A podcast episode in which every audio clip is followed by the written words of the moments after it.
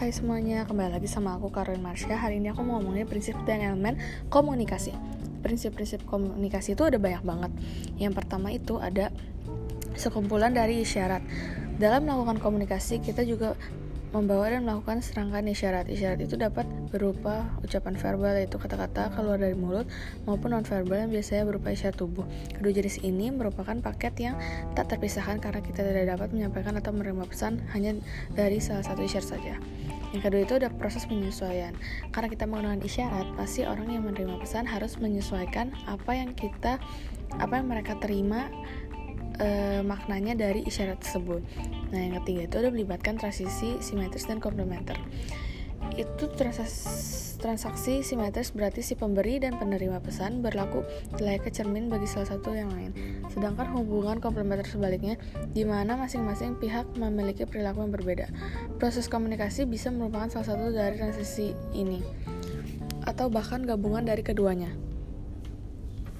Di satu waktu, Masing-masing pihak berlaku seperti cermin yang melakukan tindakan yang sama. Misalnya, pemberi pesan menyampaikan pesan dengan tersenyum dan si penerima pesan refleks ikut tersenyum juga. Namun juga setelahnya kedua melakukan tindakan yang berlainan ketika ditemukan kesamaan pemahaman pesan. Selanjutnya ada mencakup dimensi dan hubungan. Uh, contohnya seperti ini, periksa laporan bulan kemarin, sedangkan bawahannya berkata, kepada atasan seperti tolong diperiksa laporan bulan kemarin ya. Kedua kalimat itu memiliki pesan yang sama, yaitu e, meminta pihak satunya untuk memeriksa laporan. Namun kalimat, intonasi, bahan gestur yang diberikan akan sangat berbeda antara kedua orang itu. Hal ini karena hubungan yang terjalin adalah atasan dengan bawahan. Selanjutnya tak dapat terhindarkan Bagaimanapun juga, kita juga tidak dapat menghindar dari komunikasi. Seperti yang telah diulas sebelumnya bahwa berbicara dengan diri sendiri pun termasuk komunikasi. Selain itu, meskipun kita diam, tidak bicara, raut muka, gestur tubuh, kita menyampaikan pesan komunikasi kepada orang lain. Misalnya raut muka tidak enak, orang bisa tahu kita tidak suka kepada mereka.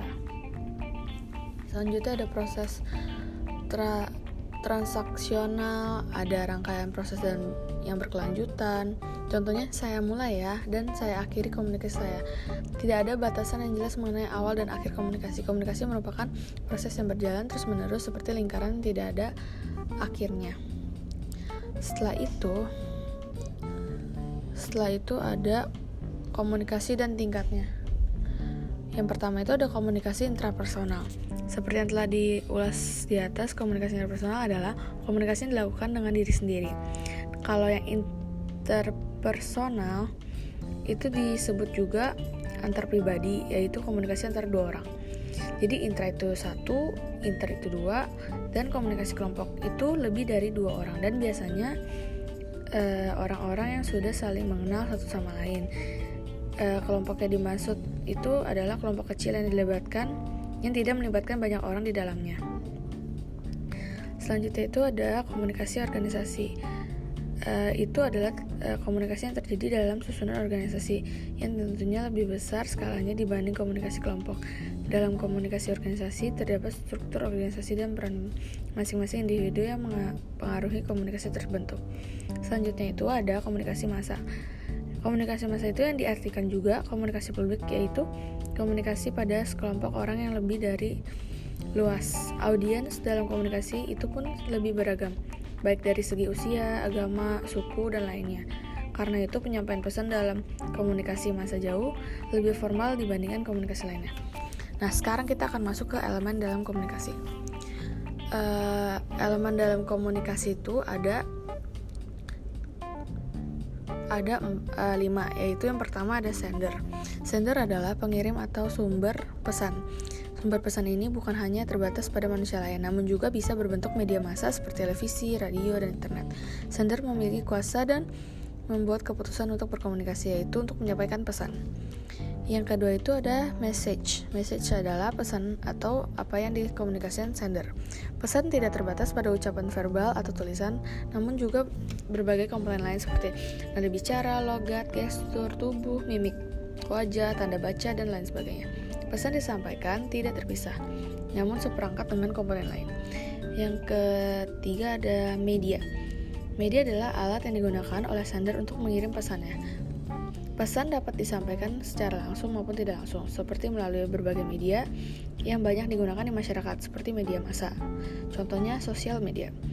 Yang selanjutnya ada receiver adalah pihak yang menerima pesan dari uh, sender.